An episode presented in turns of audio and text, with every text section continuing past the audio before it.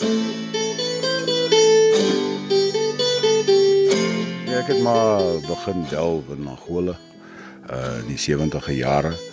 Uh dit was bietjie rof daar. Uh daar was die Portugese het mos die land uh, oorgegee en die MPLA het oorgevat en dan was daar 'n civil war wat aan gegaan het en daai jare was ook baie bietjie dom. Jy gaan sit jou kop in waar jy nie moet nie dan kan jy nie uit nie. Uh maar dit was ek maar aan die ding en daarvan af het 'n geleentheid gekom in uh, Sierra Leone. Daar was dit nog erger want uh dinge was baie baie rof daar. Ongelukkig moes ou daar onttrek want omstandighede was so dat jou lewe begin in gevaar raak. En toe is ons uh Central African Republic toe. Dit is nou uh hier in die laat 80e jare. Dinge was stil daar, maar op 'n stadium met dinge daar ook uh bietjie deur mekaar geraak, is nog nou steeds deur mekaar. Toe besluit iemand daar dat ons moet nou tronk toe gaan en dit was nou 'n ander storie want daar's nie 'n polisieman wat jou arresteer, daar is nie 'n uh, hof waarna jy verskyn of 'n prokureur wat jou verdedig, is maar net 'n generaal besluit dis waar jy gaan sit en dis waar jy gaan. Dit was ons maar daar uit want dit was 'n bietjie moeilik. En skuif ek terug aan Angola toe en daarvan af na die Congo DRC. Nou daai tyd was daar ook 'n probleem met die ou man Kabila nou oorgegee aan sy seun en die land was ook weer de mekaar en uh dieselfde tyd wat die genocide begin het in Rwanda en toe besluit ek, ek beweeg maar weer suid. Toe kom ek hier uit in Suid-Afrika. Carlos Araújo is 'n Afrikaans sprekende Portugees wat as jong seun na Suid-Afrika gekom het en in sy pa se vis en chips winkel in Pietersburg gewerk het.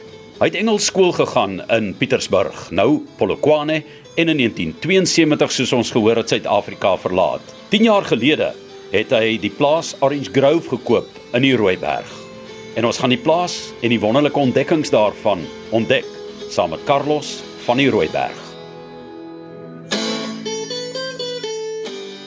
In 94 kom loer ek maar hier en toe sien ek maar jy weet ek raak nou 'n bietjie oud vir hier avonture daar aan die kant en het ook nou kinders gehad.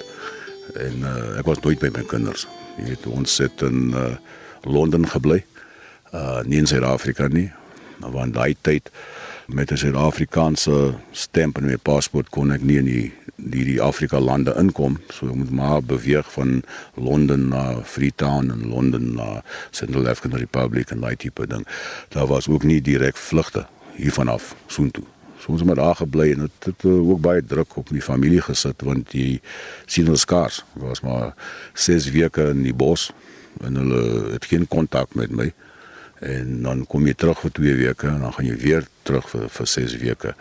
En uh toe ek nou 40 jaar oud geraak het maar besluit ek het nou 3 kinders. Dit is nou genoeg. Kom uh delf in Suid-Afrika is 'n bietjie stiller. Toe vestig ek myself in Kimberley, maar begin delf in Mosesberg, naby Schmidtsdorp, op die Pad Campbell toe daar op die Valrivier. Daarvan af Longlands toe. Daarvan af Dalpotshoop toe.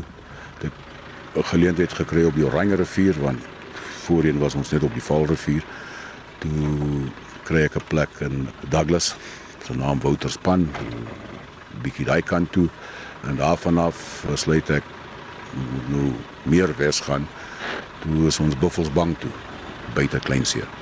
Was nie deel van Kleinsee maar in daai area. Dit was 'n uh, groot myn wat ons daar gehad het. En uh, 2 jaar terug het ek besluit is nou genoeg. Nou moet ek maar stil bly op een plek. So nou is ek hier op Orange Grove. My lewe is nou hier. Uh my pa wou gehad het ek moes nou gaan leer by universiteit en ek het nie belang gestel nie. En eendag sê hy vir my maar wat gaan ek met van my lewe maak? Toe sê ek vir hom, pa, ek het nie nodig om te studeer nie. Ek het al uitgewerk, al wat ek moet doen is geld gaan maak en die ander ou wat gaan studeer het en vir my kom werk. Dan kry ek die kennis by hom. Dit was maar my beleid tyd. En het dit toe hier gebeur? Het hier gebeur ja. En die diamantwêreld ook. Jy weet uh, my pa het 'n uh, fish and chip shop gehad in Pietersburg en ek het maar so groot geword. So daar was nie geld om nou uh, myne te gaan oopmaak en plase te koop, en masjiene te gaan koop. Uh en ons het ook nie met mense die mekaar geraak wat van die bedryf geken het. So ek moes van die begin af gaan leer en 'n uh, plan gaan maak. Kobus Nel is die man wat hier in die lande na sake moet omsien. Kobus, dit moes ongelooflik gewees het om in die klowe op te beweeg waar voertuie nie kan kom nie om hierdie goed uit te haal. Ja, dit was maar 'n proses gewees om al die bome uit te haal vir al die denneplantasies in die berg wat verskriklik baie water en goed vat en bloekombome. Jy begin die oggend te stap en dan werk jy 'n uur bo in die berg en dan raak dit donker vir jou en baie keer moes ons nog maar oorslaap daarbo om dit gedoen te kry. So het ons maar aangegaan om die hele klompie hektare uitgehaal en verwyder. Wat begin hom nou lyk of ons aan die wenkant is met al die aliens en goed wat inkom. So uh, alles is op die stadium onder beheer. Is dit um, so half daarom 'n tipe werk wat jy ek oor jou skouer moet loer vir uh, goed soos ou slang? Ja, nee, ons kry heelwat van hulle in die berg en selfs ons het uh, luiperdspore en goed gekry in die berg, so jy moet maar gedurig omkyk, omkyk, omkyk loop. En as jy in die nag in 'n slaapsak slaap, moet jy maar so met een oog oop slaap. Tot as ons soggens wakker raak, kry jy skerp joene wat onder jou slaapsakke ingegaan het en hy's maar net so 'n man wat jou baie pyn kan veroorsaak. En uh, een van die werkers het eendag een in die voet gebyt.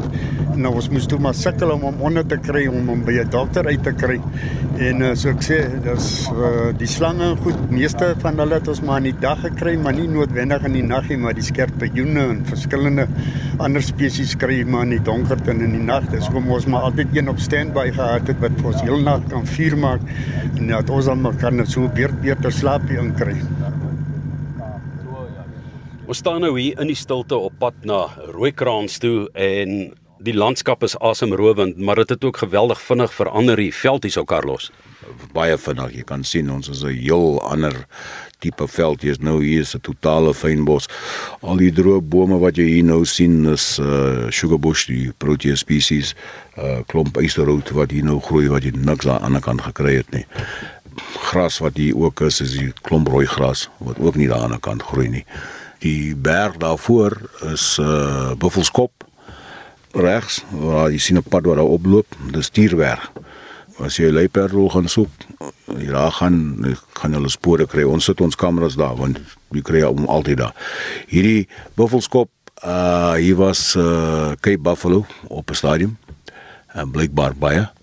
En ek kan nou nie mooi onthou maar of in die 50e jare of die vroeë 60e jare het hulle die laaste een na gaan skiet. So nou is hulle weg hierso.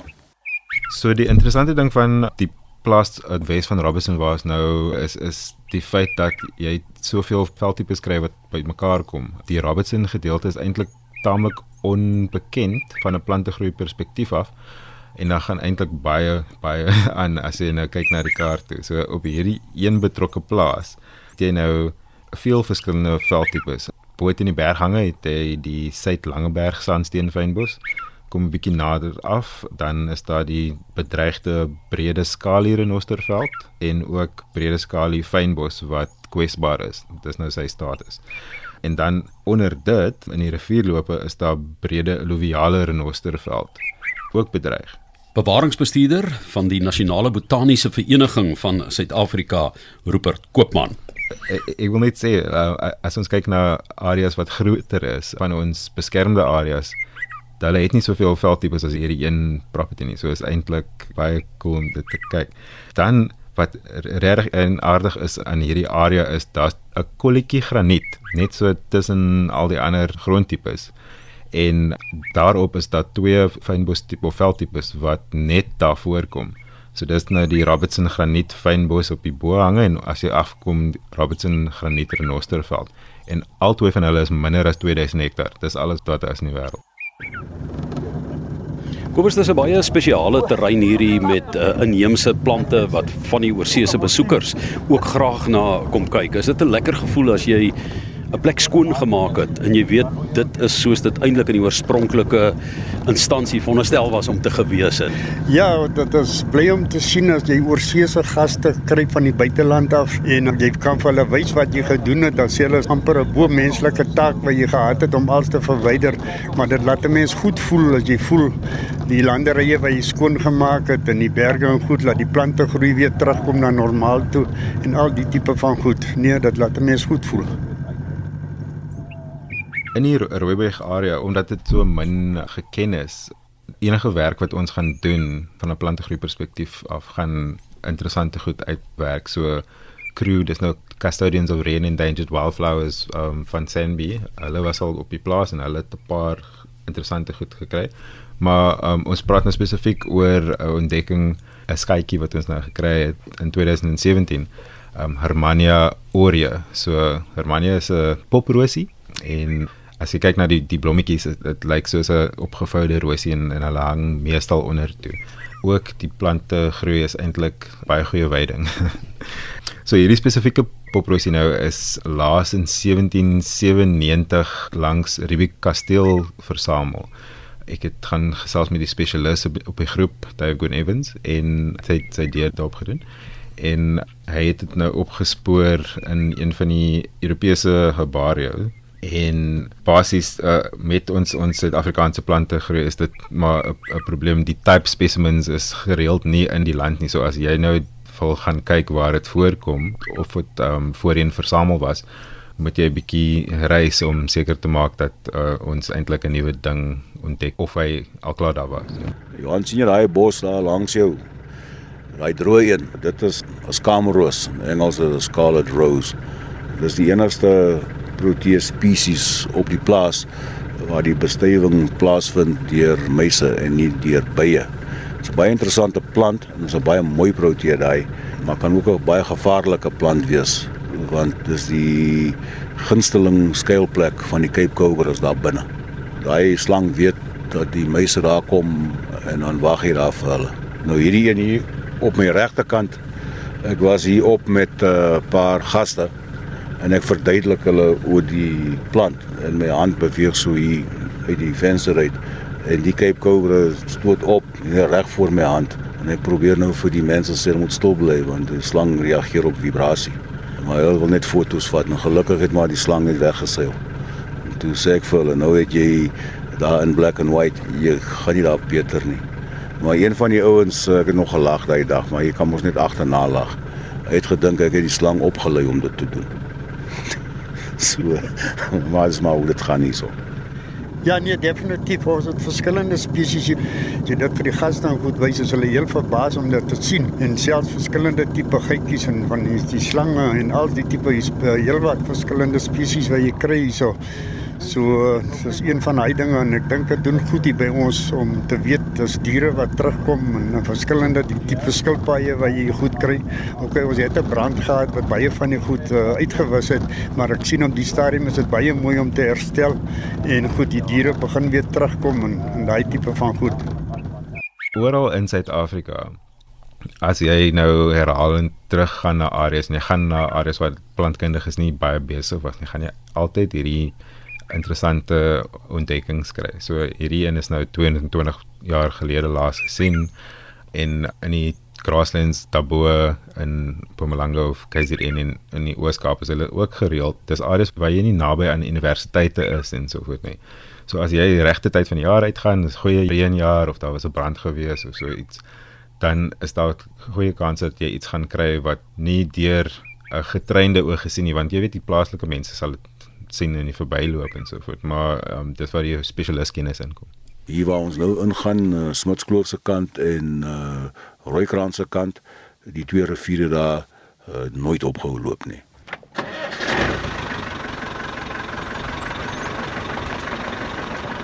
Uh, dit moes 'n reuse taak gewees het om eers die omgewing te bevry soos jy jouself moes bevry het van die industriële wêreld na die wêreld van omgewingsbewaarder maar 'n reuse taak en jy kon dit net so laat lê het wat het jou laat besluit nee dit moet skoon kom? Ek weet nie ek uh, het nie vir jou die regte antwoord daar. Dit was hier op die plaas soos ek in 2009 die 1 Januarie het ek hier oorgevat En na 'n paar maande wat ek hier rondgeloop het, het ek besluit nou hierdie bome hoort nie hier nie. Nou begin ek met mense praat en uh, met mense wat ken soos landbou en daai tipe mense en toe besluit ek man, die goed moet hier uit. Maar ooit mos nie die kennis nie. So jy doen dit maar op jou manier wat nie altyd reg was. Maar die bome is uit. Nou twee pofaders hier onder. Toe ons die pad gebou, toe kry ons daai fossils daar, hulle is nog daar. Ons gaan nou daar stop. Dit is ongelooflik hoe duidelik daai beeld nou nog steeds is hier in die rots.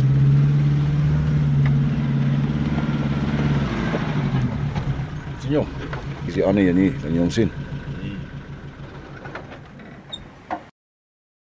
Jy kan duidelik sien as 'n pofvader. En dan hier, as jy hiernatoe beweeg, is 'n ander sien jy, is 'n kleintjie, maar is die die hele formasie van 'n pofvader. Dit lyk amper soos rotskuns van rotskuns gepraat, die san en die koi mense is daar oorblyfsels, is daar rotstekeninge hier. Ek het nooit uh, rotstekeninge hier gekry. Baie gereedskap gekry. amper elke keer as ek daar in die bos loop, dan tel ek op. Ek vat dit weg as ek dit kry want mense is geneig om goed net weg te dra. Baie grotte hierso. Ek was nie almal, maar dis wat ek wel in was, kry ek nie rotstekeninge daar. Al die tekens dat hulle hier was, is wel hier. Uh, maar ek is nou nie 'n ou wat baie kennis dra van hier goed, maar ek neem aan omdat alles hier sandstone is en uh, as jy ou daar iets gaan teken is al jy lankal weg want dit is, is nie die tipe klip wat hom sal hou. Jy het ook 'n ander diamant in die Namakwa-land ontdek. Ek het ja, die vrou Hebrecht daar ontmoet. Buffelsbank net buite Kleinsee, dorpie daar kom 'n gas. En ek is elke week op en af tussen daar in die Kaap. Toe ontmoet ek my vrou daar, toe trou ons en uh dit het ook 'n groot impak op my lewe gehad want uh sy het kennis gehad van die boerdery wat ek nie gehad het nie. Ek het kans gesien vir die plaas omdat daar sekere kennis by haar en haar familie was wat ek hier kon gebruik. Anders is dit uh, jy kan nie alleen die ding aanpak nie. Al het jy die kennis, is nie 'n ding wat jy alleen kan doen nie. Ons gaan nou uh Rooikrans toe ry. Wat jy daar ontmoet, sy wag vir ons daar. 'n groot ding is dis omtrent 3 kg se bloekomboom wat ons uitgehaal. Hierdie goed was groot. Jy weet uh, seker 30, 40 meter hoog en die stam het ek van jou gewys 3, 3,5 meter as dit nie meer is nie. Hulle het gegroei op 'n uh, sytak daaronder, uh, Tierkloof rivier. En soos ons daai bome uitgehaal, ons was omtrent die helfte van die pad om my bome uit al begin die rivier weer vloei. En dit gee net die moed om aan te gaan. Want tot dan die albome uit en jy weet eintlik nie wat gaan gebeur. Maar toe ek daai water sien en hy stroop en toe sê ek nee, dit is nou op die regte pad. Toe haal ons hom almal uit. Hier nou gaan ons vir so 'n kilo afry binne in Rooikrans in in die middag. As die son begin sak, dan word die hele krans bloed bloedrooi. Dis waar die naam vanaf kom.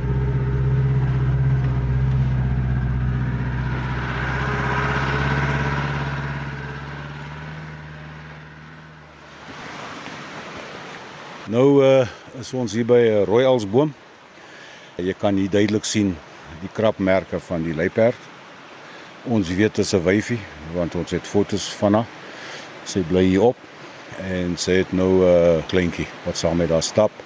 Hierdie krapmerke twee doeleindes. Een is hulle maak hulle naal skerp en die ander is hulle merk hulle gebied. En net die uh, entjie op uh, langs die water gaan jy 'n ander luiperd kry, maar sy's 'n bietjie makker as die luiperd. Wat is haar naam? Heybrecht. Johan, dit is 'n voorreg om hier te kan wees. As jy groot geword het in Namakoland en jy daai dorre wêreld geken en jy het gesien hoe die stof waai in die droogtejare, dan kom jy hier en dit is 'n absolute tuin van Eden. Baie om voor dankbaar te wees, maar ek moet vir jou eerlikwaar sê dat Namakoland het ook vir my die waarde geleer van water bespaar en beskerm en bewaar. Ons het groot geword naby aan die natuur. Dit was 'n groot voorreg om die tekens van die natuur te lees en te kon bepaal wanneer die reën op pad is, wanneer die seisoene verander. Dit is hoe ons groot geword het en as jy tog weer hier is, dieselfde reëls van die natuur geld steeds. En natuurlik het ons hierdie pragtige unieke plante groei en skaars spesies wat net hier voorkom. Ons het die Bulchard's redfin visie wat voortkom net hier in ons waterpoele. En wat dit so uniek en spesiaal maak, is dat hierdie visie voorkom in poele waar die water van uitstekende kwaliteit is. Dit is 'n goeie aanduiding van die drinkwater wat ons ook vir ons gaste kan verskaf. Toe ons hier kom op Orange Grove Farm, was daar reeds navorsers wat die uniekheid van hierdie visspesie uitgewys het. Die visspesie kom voor en, en wanneer hy in Oktober gereed maak om te paar, dan begin sy vinne rooi raak en van daar dan nou die red fin as mens kyk na geïntegreerde opvangbestuur, daar's daar's baie verskeie aspekte aan, soos die skoonmaak van inheemse plante groei. As daai inheemse plante groei skoon het, kan jy jou brande beter bestuur, jou erosie en al hierdie faktore wat op die op die opvanggebied impakteer, impakteer dan aan die einde van die dag op die rivier en dan aan die einde van die dag ook die rooi vlekkie. Die Kaapse blommeryk al is dit 'n botaniese term, is eintlik 'n baie unieke streek ook in terme van die vaswater ekosisteme en die geassosieerde spesies. Die meerderheid van die rooi vlekkie en ander verwante inheemse spesies is in inheems en ook endemies aan die Kaapse blommeryk. So hulle kom net in hierdie area voor en hierdie vlak van endemisme en as ons dit kan noem die graad van inheemsheid is nie net tot die streek nie, dis ook tot individuele opvanggebiede. Byvoorbeeld die Bergrivier opvanggebied het 'n unieke rooi vlekkie, die Bederivier het 'n unieke rooi vlekkie, die Olifantsdodingstelsel het 'n unieke rooi vlekkie en hierdie rooi vlekkies is nie net uniek tot 'n opvanggebied nie, hulle kan ook op 'n baie kleiner skaal wees. As ek 'n voorbeeld van die Bergrivier en die Verloor invlei rivier kan gebruik. Baie mense sien dit as een stelsel, maar daar's tog twee unieke rooi vlekkies wat albei baie bedreig is binne hierdie twee stelsels. Dr Martin Jordaan, akwawetenskaplike en ekoloog van Cape Nature. Ja, en ook omdat baie inheemse visse soos rooi vlekkies nie binne ehm um, formele natuurreservate of formeel bewaarde areas voorkom nie, is baie van die spesies 100% afhanklik van privaat grondeienaars vir hulle oorlewing. So as die grondeienaar nie geïntegreerde pestbestuur toepas nie, ehm um, ek, ek dink byvoorbeeld dan goed soos om mulching te doen in wingerde om om eende te gebruik om die peste te bestuur. Ek bedoel daar's metodes daar buite waar jy kan wegbeweeg van spuitstowwe en ander potensieel negatiewe landboupraktyke gebruike dat ehm um, ja, ek wil mense kan so baie doen en daai visse is absoluut afhanklik daarvan. Alles lyk soos 'n paradys hier by julle, maar dit is nie altyd maanskyn en rose nie. Ja, dit is baie waar. Ek dink as jy naby die natuur leef, die natuur het sy eie uitdagings wat die stad partykeer nie het nie, hoewel die stad ook weer sy eie uitdagings het. Maar as jy hier leef, is jy aangewese op die natuur en wanneer daar donderstorms kom, het ons al dikwels ervaar met ons tot saans laat toe nog matte uitsleep wat nat geword het wanneer 'n huis verspoel het of wanneer daar 'n brande kom soos wat al gebeur het in die verlede. Het dit ons geleer om as 'n span te kon saamwerk. Dit hou jou regtig op jou knieë en dit hou jou geloof baie autentiek en baie eerlik. Maar as jy besef hoe aangewese jy is op die natuur en om saam met die natuur te kan leef en te oorleef. Ek wil Cape Nature kan nie oral wees nie. Ons het nie oral grond nie. As mens ook kyk na die historiese of die huidige uitleg van bewaringsareas, dit is baie sterk na bergareas toe en bergopvanggebiede. So met ander woorde, die spesies wat in daai tipe habitat voorkom, hulle is veilig. Hulle is almal binne natuurreservate, maar wat van die spesies wat in die laaglande voorkom, daar waar die landbouaktiwiteite is, daar waar residensiële ontwikkeling is. Daai spesies is soos ek sê 100% afhanklik van goeie landbou en grondgebruikpraktyke in die algemeen en goeie watergebruikpraktyke. Ek bedoel Kaapenaar was ek dink day 0 en gelukkig het nie gekom het, dit sit nog vas in ons geheue. So dit gaan na goeie landboupraktyke, dit gaan na goeie watergebruikpraktyke. Ja, soveel mense voel water kom uit 'n kraan uit. Dit doen nie, dit kom uit 'n bergopvanggebied, dit kom uit 'n rivier uit, dit kom uit die uit die omgewing uit. En die water wat ons as mense gebruik, dis dadelik water wat nie beskikbaar is vir die omgewing nie. En daarom dink ek is ook net gesonde en volhoubare watergebruikpraktyke net so belangrik soos volhoubare grondgebruikpraktyke voelkenners is gaande oor hierdie stukkie voelparadys wat hulle kan ervaar. Ons het meer as 200 verskeie spesies waarvan sekere baie skaars is. Omdat ons so verskeie biome het, natuurbiome wat bymekaar kom, sal jy tot die Namakwa duif hier vind wat vir my 'n wonderlike teken is van daar in die wêreld waar ek vandaan kom om hom hier te kan kry. Daar is verskeie spesies voëls wat skaars is. Ons praat van ons pragtige ou witkruisarend wat hier broei in die berge hierdie voëls is so op ons wat hulle staat maak om hulle te beskerm want as ons sal voortgaan om verder te ontwikkel sal hulle hulle natuurlike habitat heeltemal verloor. Moet ek nou maar leer van boerdery en wyn maak en olyfolie En uh die maklikste manier was jy trou met uh, Afrikaans vrou wat klaar groot geword in wingerd op plaaslewe. Ek was my hele lewe op plase in die Noord-Kaap, maar ek het nie geboer nie. Jy gaan praat met die boer daar want jy wil toestemming kry om te gaan delf. So die ou gaan maar aan met sy boerdery. Jy worry nie wat daar aangaan nie, is mos sy saak daai. Jy maak jou gate en al die diamonds uit. Hier was dit nou heel ander ding. Jy moet nou self in 'n wingerd ingaan en besluit wat om te doen en wat nie om te doen. Die plant wag nie vir jou nie om te leer. Daai jare was ek nog bietjie dom. Ek sê nie ek is nou bietjie slimmer, maar daai jare was ek beslis dom. Want uh, ons kom hier in Januarie 2009 ons en uh, ons moes die oes afhaal in Februarie. Nou in my lewe ooit 'n drie oes afgehaal. Toe besluit ek ek gaan paie maak en bou en alles dieselfde tyd uh, aanpak. En toe sê my vrou vir my, man, my man dit werk nie so nie. Maar dit was te laat, ek was al besig. Ek moes maar 'n plan maak. So ons het maar alles gedoen. Oes en en gebou en paie gemaak en damme reg gemaak en die hele relation van die plaas. Daar was net een elektrisiteitspunt hierso. Die hele besproeiingsstelsel moes vervang word en die damme moes reggemaak. En ek is bevoorreg en ek sê vir myself, jy weet, uh jy's baie bevoorreg om so 'n plek te hê en uh om hier te kan lewe. Jy weet, uh dis harde werk, dis baie werk. Maar uh, vir my is dit nie werk nie. Ek het eendag met my ouer kinders gepraat. Hulle vra my uh wat is sukses? Toe draai ek die vraag om en ek sê vir hulle wat dink julle is sukses? Toe kyk hulle na my lewe. Jy weet met helikopters en Ferraris en Porsches en al die nonsens, wat is net nonsens. En uh, toe sê ek vir hulle nee, dis is verkeerd. Geld is nie sukses nie. Ek sê sukses is as jy bereik wat ek bereik het. En ek het 45 jaar gewerk en ek kan jou nie ook kyk en sê ek het nie 'n dag in my lewe gewerk nie. En hulle kon dit nie verstaan nie. Toe sê ek nee, die, die ding gaan oor ek wil by die werk wees. Ek wil 'n verskil maak. Ek vir my as ek daar wegloop, ek sien uit na die volgende dag. So dis nie werk nie. Dis maar hoe mense lewe en as dit daai is sukses.